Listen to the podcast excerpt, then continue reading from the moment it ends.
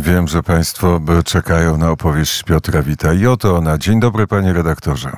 Witam pana, panie prezesie, witam państwa. O, w Paryżu mówi się o wielu rzeczach naraz, ale przede wszystkim o gaśnicy Grzegorza Brauna.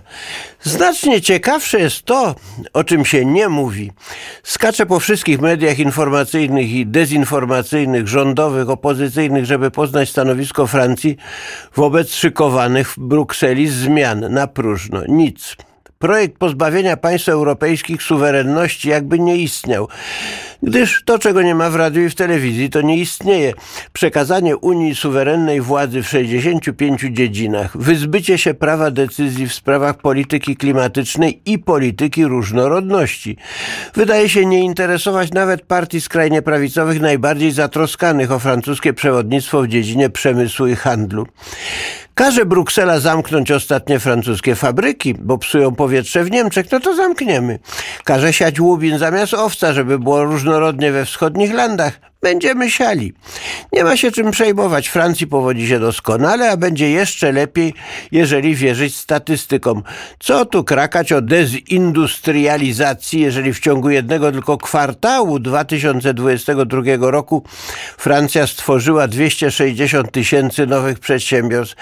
Wiadomość wprawiła mnie w entuzjazm. Przyjrzałem się statystykom rządowym, dokładnie pragnąc zrozumieć mechanizm tego cudu gospodarczego i przekazać go dalej przez radio do naśladowania.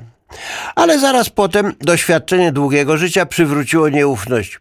O jakie przedsiębiorstwa chodzi? Gdzie można je zobaczyć?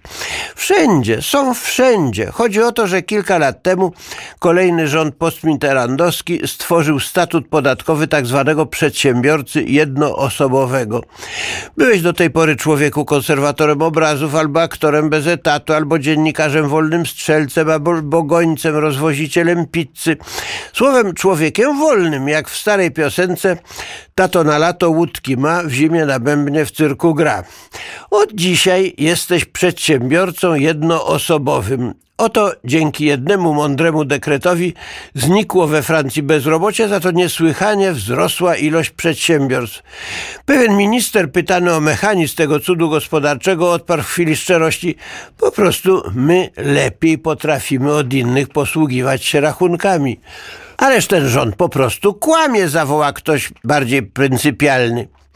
Nie należy używać zwrotów agresywnych, tym bardziej iż rząd zapowiedział zmniejszenie podatków oraz ograniczenie zajmowanych drogich lokali. Jednocześnie na murze naszego dzielnicowego Pałacu Podatków e, Hotel des Impôts ukazała się tablica ze złowieszczym napisem rządowym, który zaczyna się jak zwykle od e, słów w dbałości o wasze dobro, a dalej dowiadujemy się, że Pałac Podatków zostanie powiększony o trzy przyległe sklepy i warsztaty. Celem zmniejszenia podatków i zajmowanej powierzchni zapewne?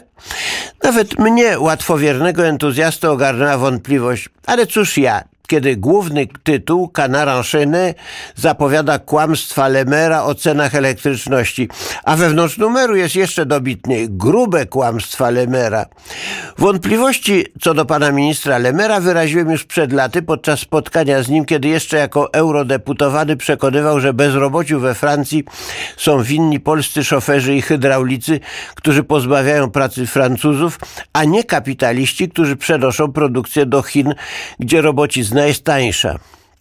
Obniżkę cen elektryczności Bruno Le Maire, minister gospodarki, obiecał 14 listopada, albo raczej stabilizację cen. Canard uważał w każdym razie obietnicę za, cytuję, generalne oszustwo i poparł opinię dokładnymi rachunkami.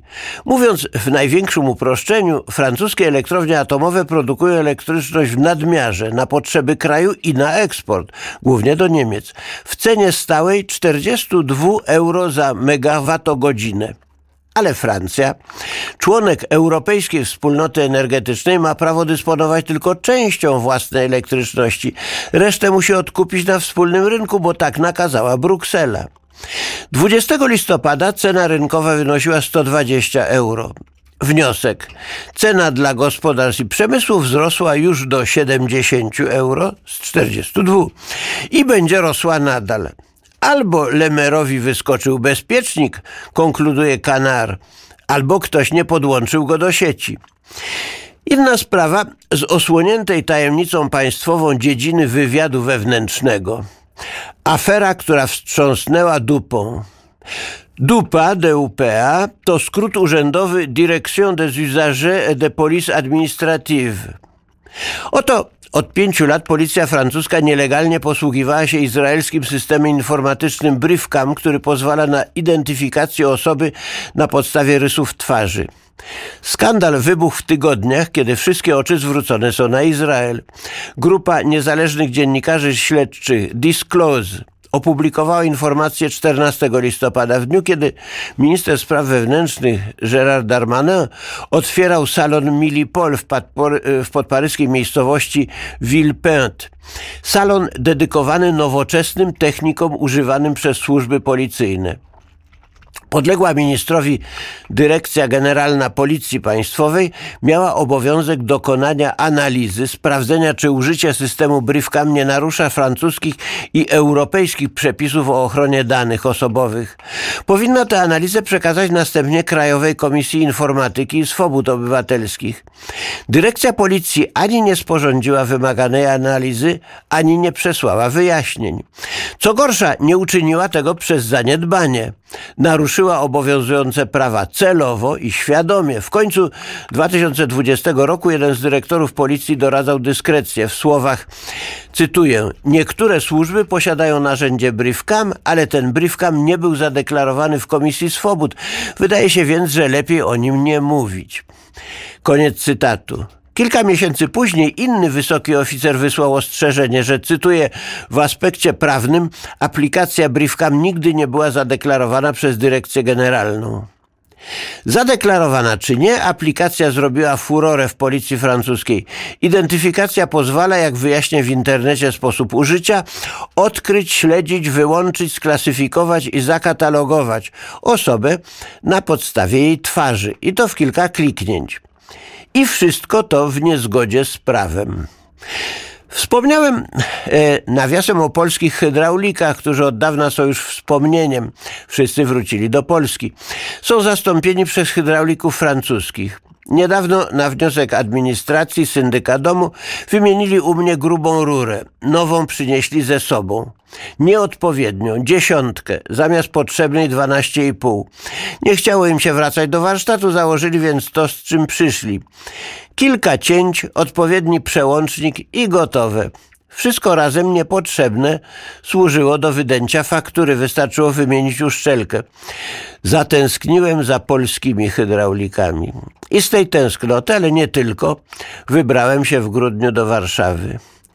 I właśnie dzisiaj spotkam się z moimi słuchaczami i czytelnikami dzisiaj, 14 grudnia o godzinie 18 w księgarni Multibook, ulica Daniewicka 4. To jest obok dworca gdańskiego. Do zobaczenia.